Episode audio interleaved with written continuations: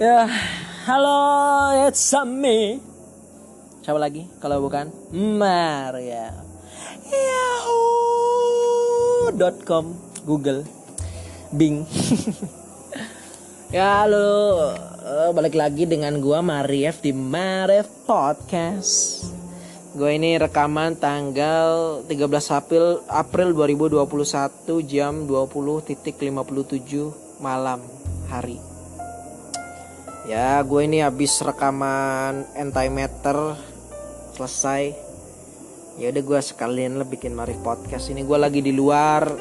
Ini suara tadi gue di antimeter suara jakriknya belum sekeras ini, ini udah sekeras ini. Jadi misalnya bocor, ya maklumi atau ini ada solawatan nih. Ya nggak apa-apa kita senang bersolawat gitu, oke? Okay? ya, oh Gimana kabar lu semua ya? Semoga pada sehat. Gua juga sekarang ya lebih seger lah. Karena ada tujuan gitu. Gua tuh sebelum kepikiran buat lanjut kuliah atau kerja di mana itu liburnya aja ini kan gue libur setahun ini enam bulan pertama itu gue gak ada tujuan gitu Cuma ini udah deket-deket pengen kelulusan baru kepikiran ada apa. Ternyata kesibukan yang ngebuat kita lebih seger gitu daripada ini apa nih sekolah nih dateng.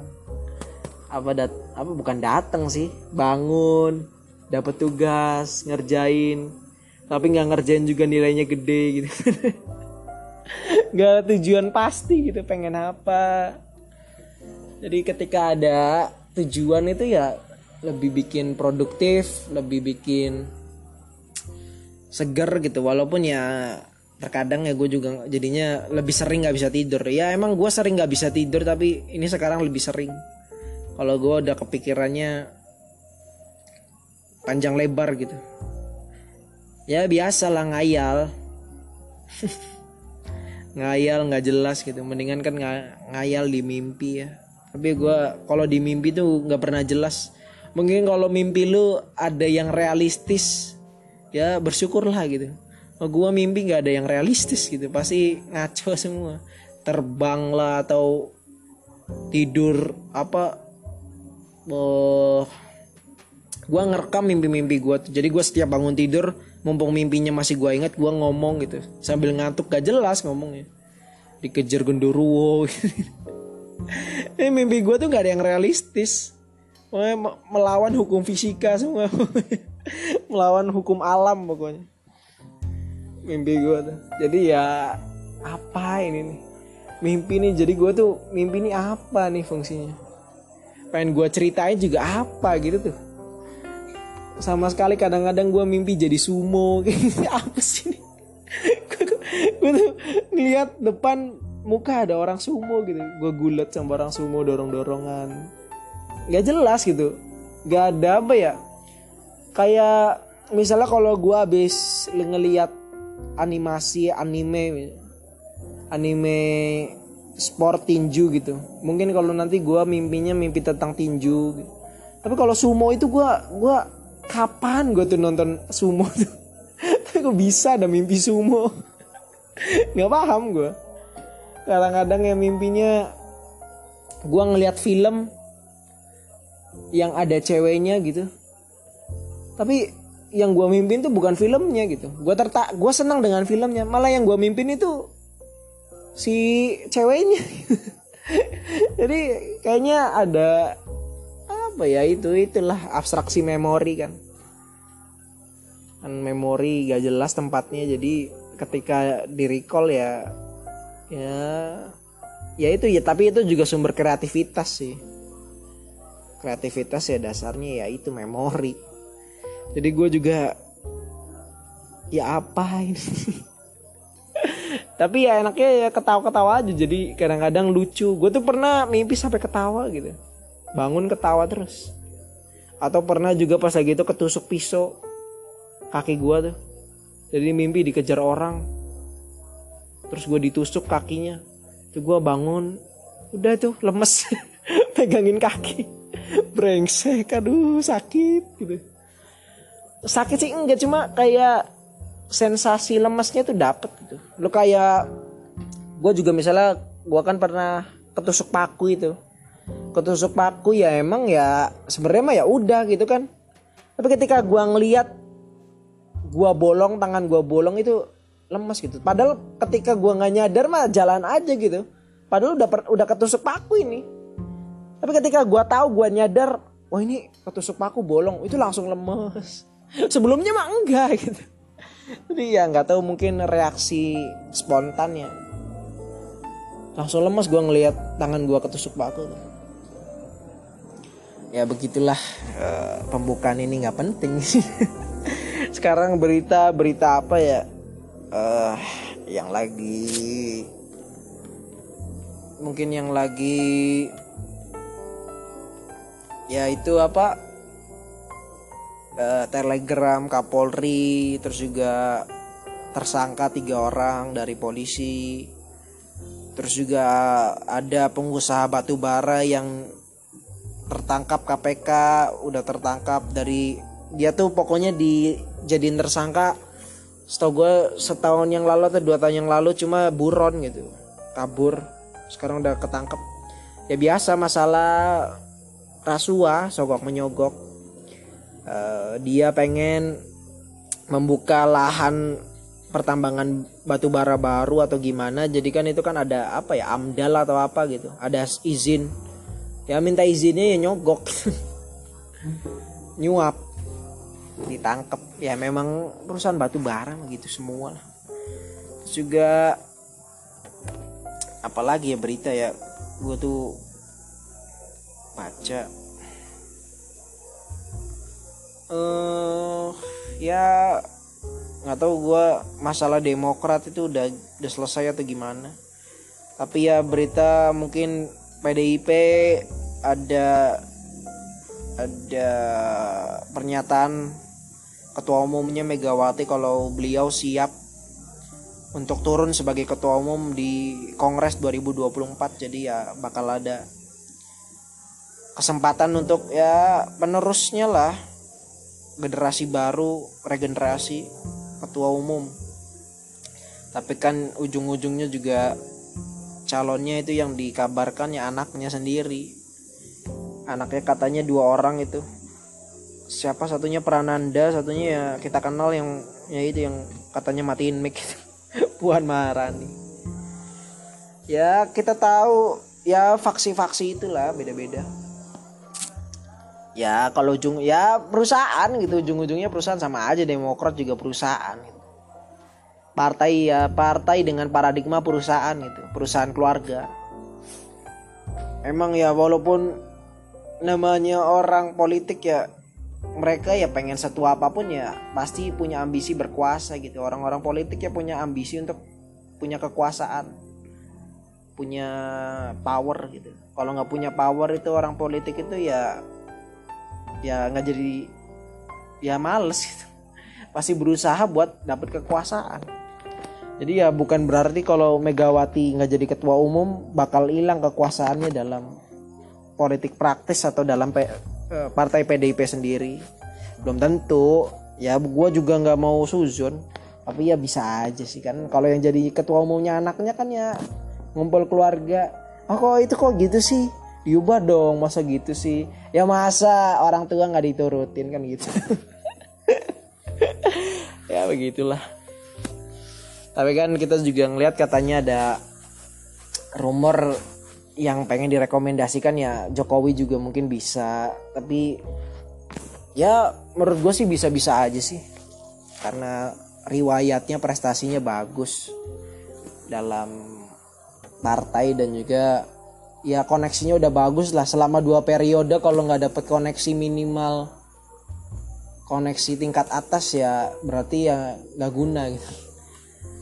Dua tahun apa dua tahun dua periode itu pasti udah dapat banyak koneksi itu.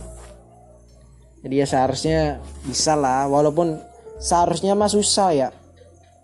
Karena kalau udah paradigmanya perusahaan keluarga itu biasanya ya kalau nggak keluarga internal atau mereka yang emang udah dari awal gitu.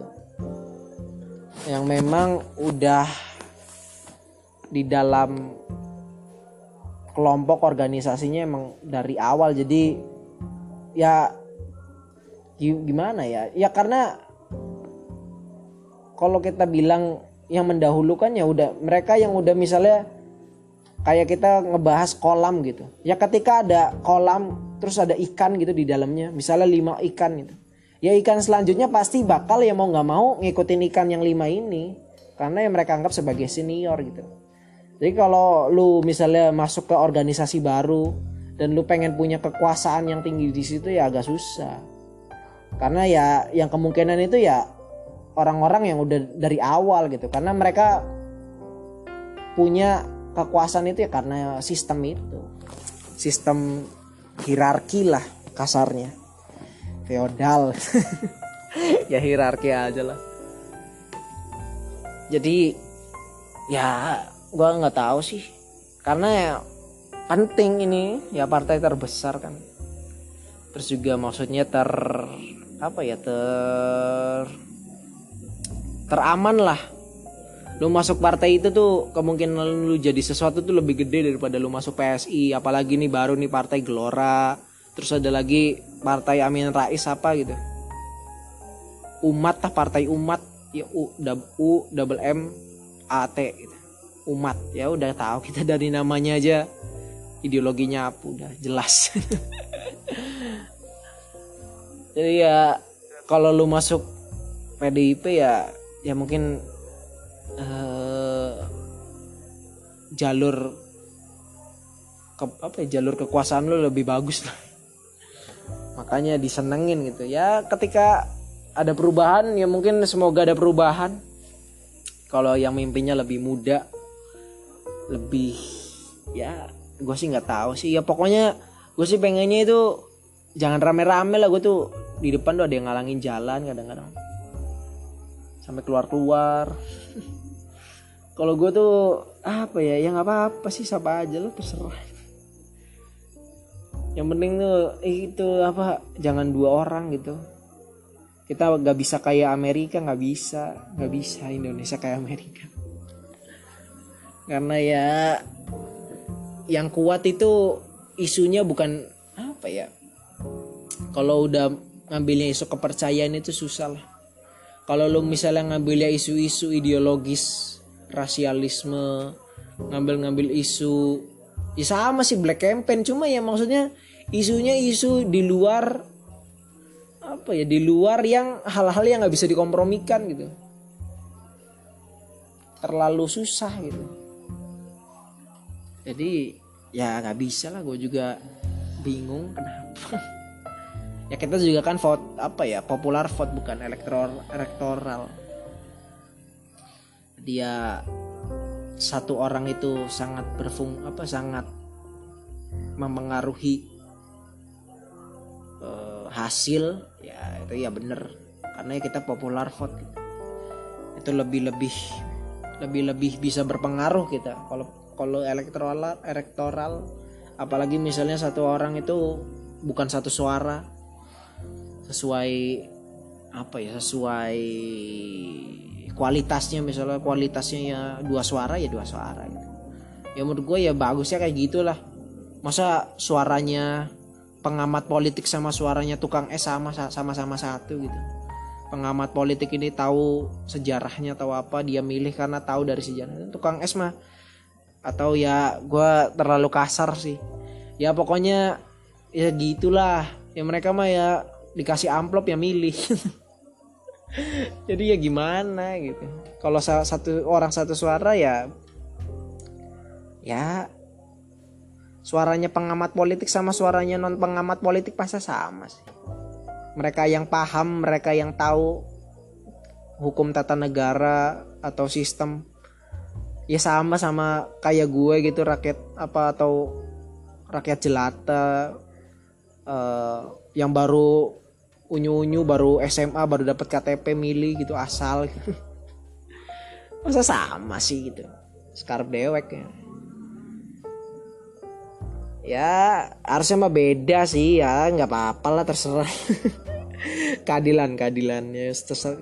Keadilan deasmu keadilan. Uh, berita apa lagi ya? Gue tuh udah baca berita ilmiah cuma lupa gue ada inovasi-inovasi invensi-invensi baru. Dari dari dimensi science. Coba gue ngeliat dulu ya. Kemarin juga ada uh, gue baca berita itu kalau obesitas atau apa ya? Lu tuh kalau lu obesitas lu lebih rawan kena corona katanya ya jangan gendut-gendut lah pokoknya mah. Pengen ada corona pengen gak ada corona ya jangan gendut-gendut. Terus ya apalagi ya? Ya udah sih itu aja. Udah 15 menit juga. Ya gue di sini pengen ngebahas sesuai judul. Nggak tahu judulnya gimana. Pokoknya gue ya biar keren pakai bahasa Inggris ya. Gue pengen ngebahas error of possibilities and justification. Justification. Ya bahasa Indonesia-nya ya kesalahan dalam kemungkinan dan pem, apa ya pembelaan justifikasi. Iya pembelaan gitu. Jadi kita kadang-kadang itu mengambil fakta mengambil data itu kadang-kadang mengambil data yang se sebenarnya bukan buat justifikasi lu dalam melakukan sesuatu gitu. Itu oke okay lah untuk justifikasi pandangan lu dalam apa ya? Dalam merubah sesuatu oke okay. tapi kalau justifikasi lu dalam menetapkan sesuatu, menurut gua ada fakta-fakta yang seharusnya nggak boleh lu pakai buat justifikasi. Misalnya kayak semua orang pasti salah gitu semua orang pasti pernah melakukan kesalahan gitu atau semua orang tuh pasti ada jeleknya gitu. Itu mungkin secara sosial itu fakta yang emang bener gitu faktual gitu. tapi itu itu lu pakai buat justifikasi diri lu kalau ya udah sih semua orang punya semua orang pernah salah. Oh ya udah sih semua orang juga ada jeleknya. Itu menurut gue ngeselin. Kalau lu emang emang gak bermasalah dengan kejelekan lu ya udah lu sampaikan aja. Ya gue emang jelek tapi gue nggak ada kejelekan gue gue nggak apa-apa kan dengan kejelekan ini gitu. Kalau lu udah jelek lalu lu ber berargumentasi semua orang tuh ada jeleknya gitu. Ya kalau yang ngomongnya ada orang lain gitu buat ngebelain lu lu mah oke okay, gitu. Tapi kalau lu sendiri yang ngomong buat justifikasi misalnya uh, fakta sosiologi gitu. Kalau manusia itu ya bertindak secara emosional bukan rasional. Tapi ya oke itu fakta gitu. Bukan berarti ya misalnya kalau ada orang yang emosional ya itu mah emang ya ya udah sih nggak apa-apa kan emang manusia emosional gitu. Ya jangan gitu gitu ya kita harus rasional. Itu fakta itu ya jadikan fakta aja bukan jadi justifikasi. Lu pakai itu buat apa namanya merubah gitu. Oke kita bisa merubah faktanya. Jadi lu pakai fakta itu tuh buat mendukung lu untuk merubahnya gitu bukan mendukung lo untuk membiarkannya gitu. Ya ignoran brengsek gitu. Misalnya manusia itu emosional. Ya udah sih nggak. Berarti kalau ada manusia emosional ya berarti sesuai sesuai fakta. Ya jangan gitu Udin. Kalau faktanya emang manusia emosional ya diganti gitu. Gimana caranya kita bisa rasional? Pengen entah dengan bantuan robot entah apa ya gimana caranya? Kalau kita emosional selalu terus ya jelek gitu kan gitu loh. Kesalahan error gitu. dalam kita menyampaikan fakta atau menggunakan fakta itu sebagai justifikasi. Dan dan ini di banyak tempat menurut gue kadang-kadang yang ngeselin gitu. Apalagi kalau apa ya? Kena fallacies misalnya eh, argumen from ignorant fallacies itu Misalnya fakta kita nggak bisa menjelaskan bagaimana piramida terbentuk gitu. Tapi oleh karena itu kesimpulannya apa? Kesimpulannya berarti itu yang nyiptain alien, yang nyiptain hantu gitu, yang nyiptain iblis, setan. Jadi ketika kita nggak bisa menjelaskan sesuatu, faktanya kita nggak bisa menjelaskan itu apa. Oleh karena itu itu pasti yang buatnya A gitu. Karena kita nggak tahu sebab kenapa A terjadi, oleh karena itu B pasti penyebabnya. Itu kan males aja. kalau kita belum tahu ya bukan berarti kita nggak bakal tahu. Jadi ada ada bedanya orang yang nggak tahu sama orang yang brengsek gitu. Kalau orang yang nggak tahu itu ngomong misalnya ditanya ini apa? Saya nggak tahu gitu. Tapi kalau orang brengsek ini apa? Saya nggak saya nggak tahu dan saya nggak akan tahu. Jadi dia udah ngemutusin kalau ini nggak bakal bisa diketahuin gitu. Itu orang brengsek aja. Karena faktanya rumit atau tidak bisa di determinasi pada deter apa ya tidak bisa di measure pada teknologi atau pemikiran saat ini. Jadi ya saya nggak tahu dan saya nggak akan tahu. Ya itu males. Kalau lu ngomong nggak tahu dan saya akan mencari tahu ya nggak apa-apa. Cuma kalau udah saya nggak akan tahu saya nggak bakal bisa tahu ya udah. Hidup lu nggak ada gunanya gitu. Orang ignoran aja. Jadi fakta itu terkadang ya ya udah sih sebagai fakta aja jangan lu pakai buat justifikasi. Apalagi kalau kita bicarain yang mana faktanya nggak ada gitu. Yaitu kita bicarain possibilities kita bicarain kemungkinan. Lu ngebayangin kemungkinan dan apa ya bahasa setaranya kan ada posibilitas ada probabilitas gitu. Oke mungkin secara KBBI kayaknya sama deh. Probabilitas posibilitas gitu. Kemungkinan sama-sama kemungkinan. Tapi kalau probabilitas bagi gue itu ya itu memang emang sang apa ya itu ya ada gitu tuh. Kalau kalau probabilitas itu kemungkinan yang ada.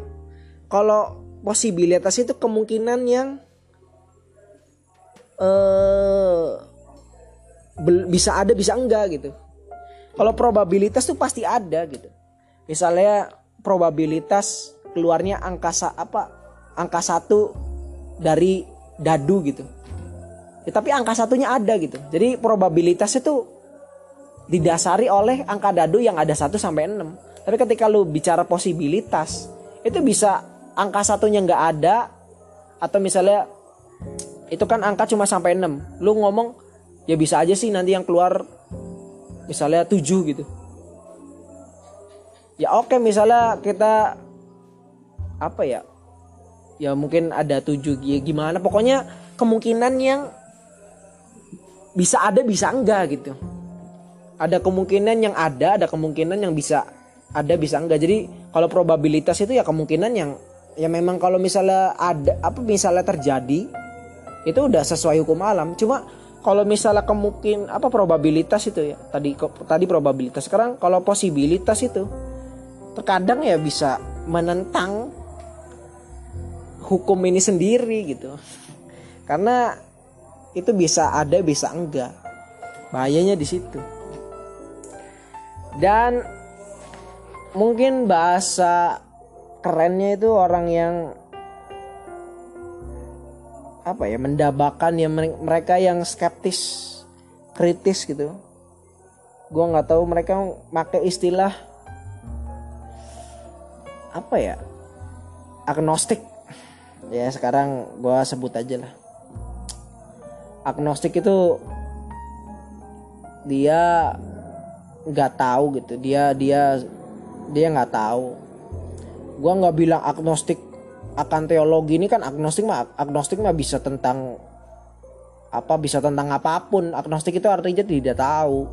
Bukan berarti agnostik ragu akan Tuhan. Enggak itu mah ya agnostik atas teologi gitu agnostik ya bisa aja gue ngomong gue agnostik dengan Pancasila gitu. Ya nggak apa-apa gitu. Kalau ininya beda lagi. Jadi agnostik ini ya uh, fenomena agnostik ini menurut gue oke okay lah kita ada perkembangan kritisisme perkembangan skeptisisme tapi yang menurut gue mungkin gak di gak dipikirin ya dengan orang-orang yang mengaku dia itu agnostik. Kalau lu bersedia menyediakan kemungkinan yang bisa ada bisa enggak yaitu posibilitas bukan probabilitas. Menurut gua lu seharusnya ya bukan lu wajib enggak gua oke lu nggak apa-apa agnostik akan sesuatu tapi lu nggak agnostik akan hal lain. Tapi ya seharusnya kalau lu berpandangan dengan keagnostikan lu lu harus agnostik akan apa pun gitu. Selama itu bentuknya adalah posibilitas bukan probabilitas. Jadi ketika lu agnostik misalnya tentang ke keberadaan hantu gitu. Lu agnostik. Kan misalnya gua ngomong ya gua nggak percaya hantu karena nggak ada buktinya gitu. Kata lu ya bukan berarti nggak ada buktinya nggak ada dong. Bisa aja buktinya nanti ada suatu hari gitu. Nanti pasti bisa dibuktikan gitu. Kalau hantu ada bisa aja kayak gitu. Jadi bukan berarti kalau nggak ada buktinya berarti dia nggak ada gitu. Di sisi lain gue ngomong nggak ada karena nggak ada buktinya. Di sisi lain lu ya kalau nggak ada buktinya belum ada. Mungkin belum ketemu aja buktinya gitu. Itu lu bersih lu bersikap agnostik kan di situ tapi resiko lu untuk mengambil sikap kayak gitu ya lu harus agnostik akan selain hal hantu gitu posibilitasnya.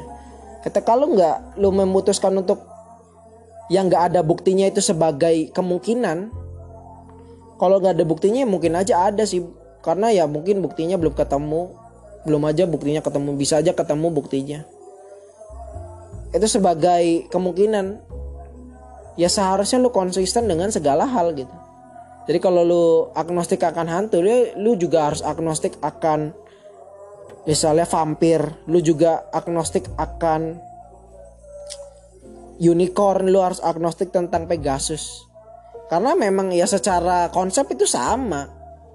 Atau misalnya gue sebut asal misalnya apa? Monster monster monster serikaya bertubuh lele pecel gitu. Ya di, di otak lu masa ada sih monster nanas bertubuh lele pecel?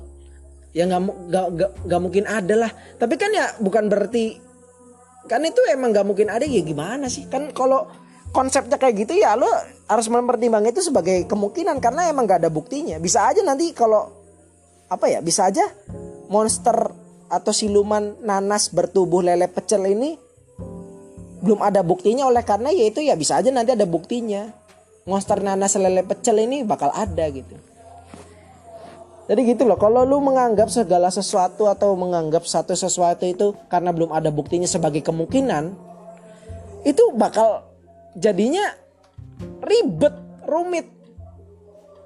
Karena lu bakal ngambil seharusnya ya, lu konsisten dengan ya misal ada orang ngomong Michael apa ya?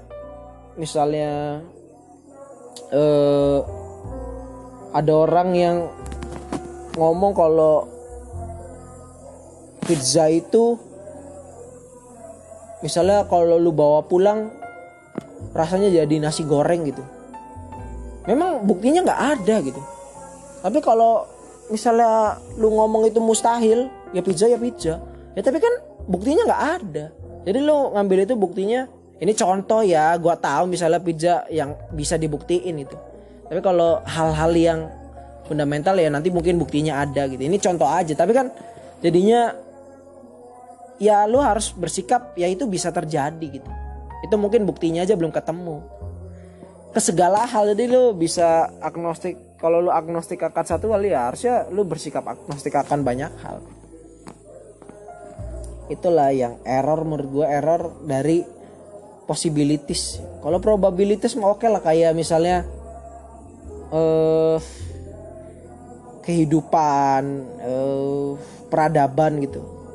Menurut gue kalau kehidupan di luar bumi itu menurut gue itu probabilitas lah itu. Itu menurut gue pastilah susah kalau lu mikirnya itu sebagai kemungkinan. Posibilitas bukan sebagai probabilitas yang ada gitu. Kalau menurut gue ada cuma ada berapanya itu nggak tahu kita. Kalau ada gue yakin ada. Nah, kalau yang posibilitas itu ya bisa ada bisa nggak ada. Karena nggak ada buktinya sama sekali nggak ada dasarnya sama sekali. Itu bahayanya di situ.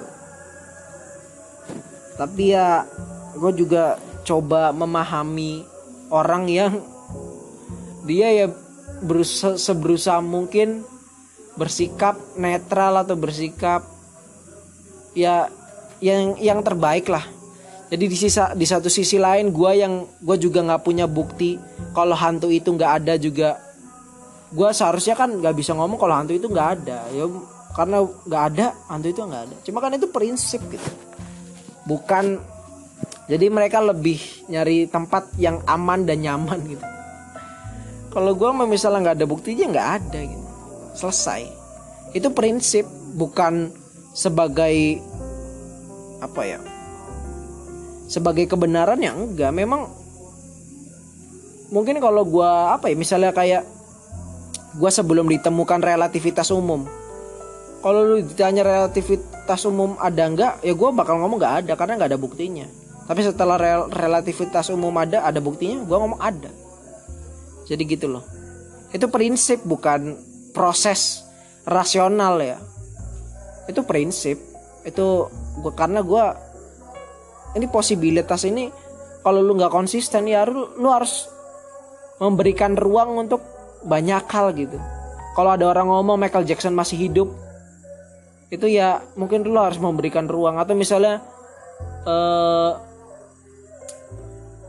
apa ya lu memberikan ruang misalnya kalau ibu lu itu ngeseksnya bukan sama bapak lu jadi lu tuh sebenarnya bukan anak bapak lu gitu.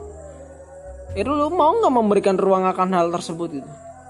Kita kan pengen skeptis di hal-hal yang kita senengin aja. Lu misalnya seneng musik lu skeptis di situ. Lu seneng politik lu skeptis dengan politik gitu.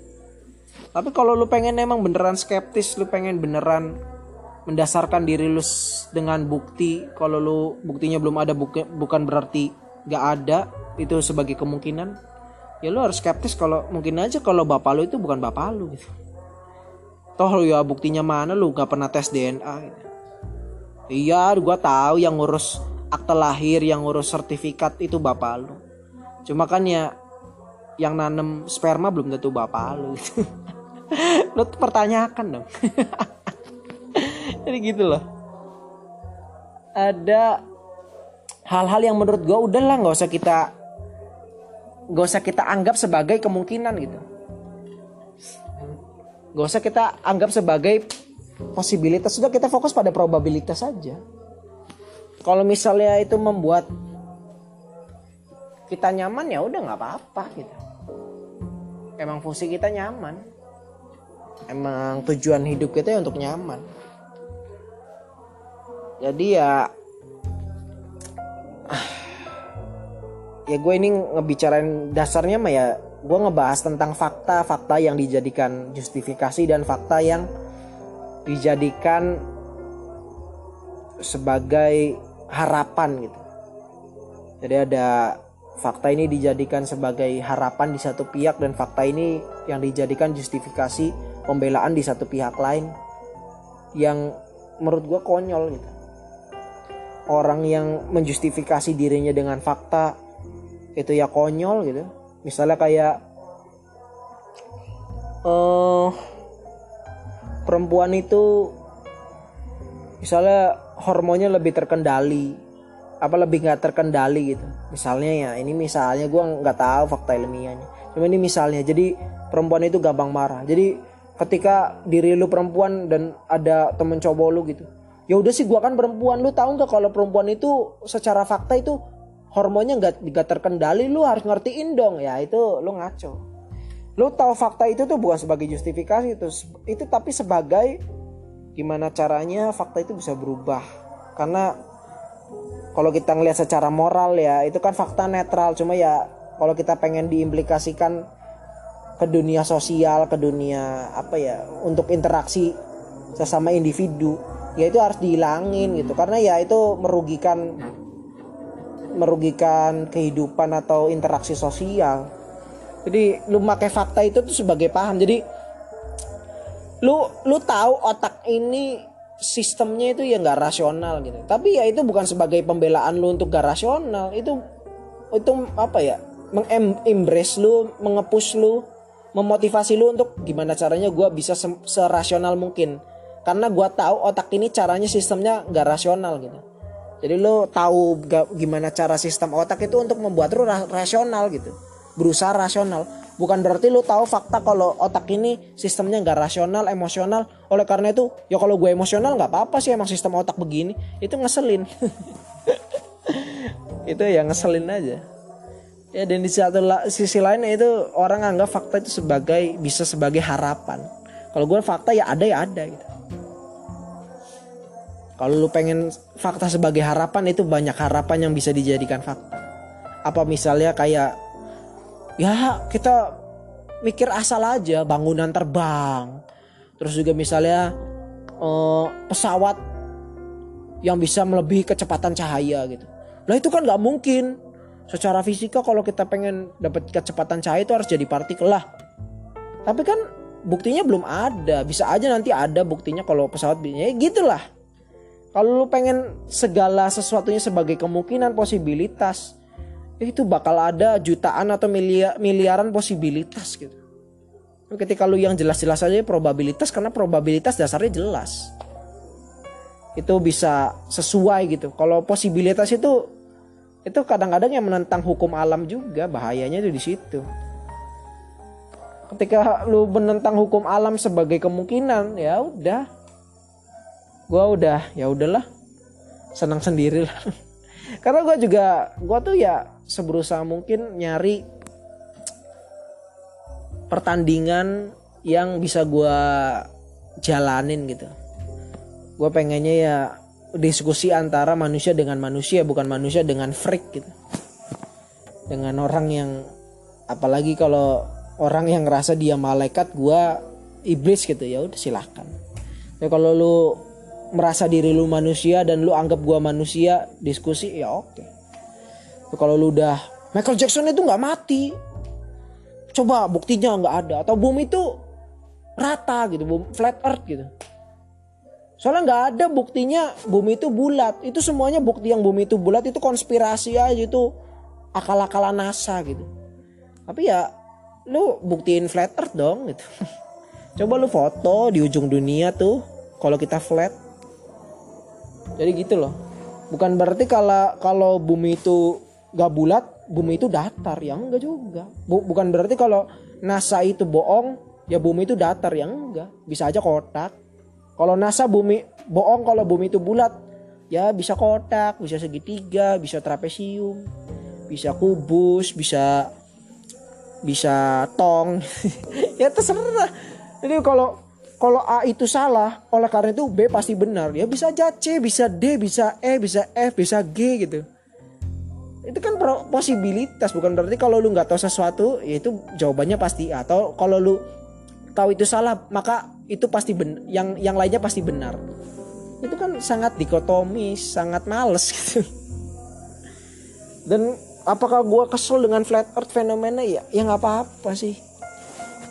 Karena ya kalau ilmiah nggak ada tantangan ya nggak bisa ditantang namanya bukan hal ilmiah itu mah. Namanya ya keyakinan gitu.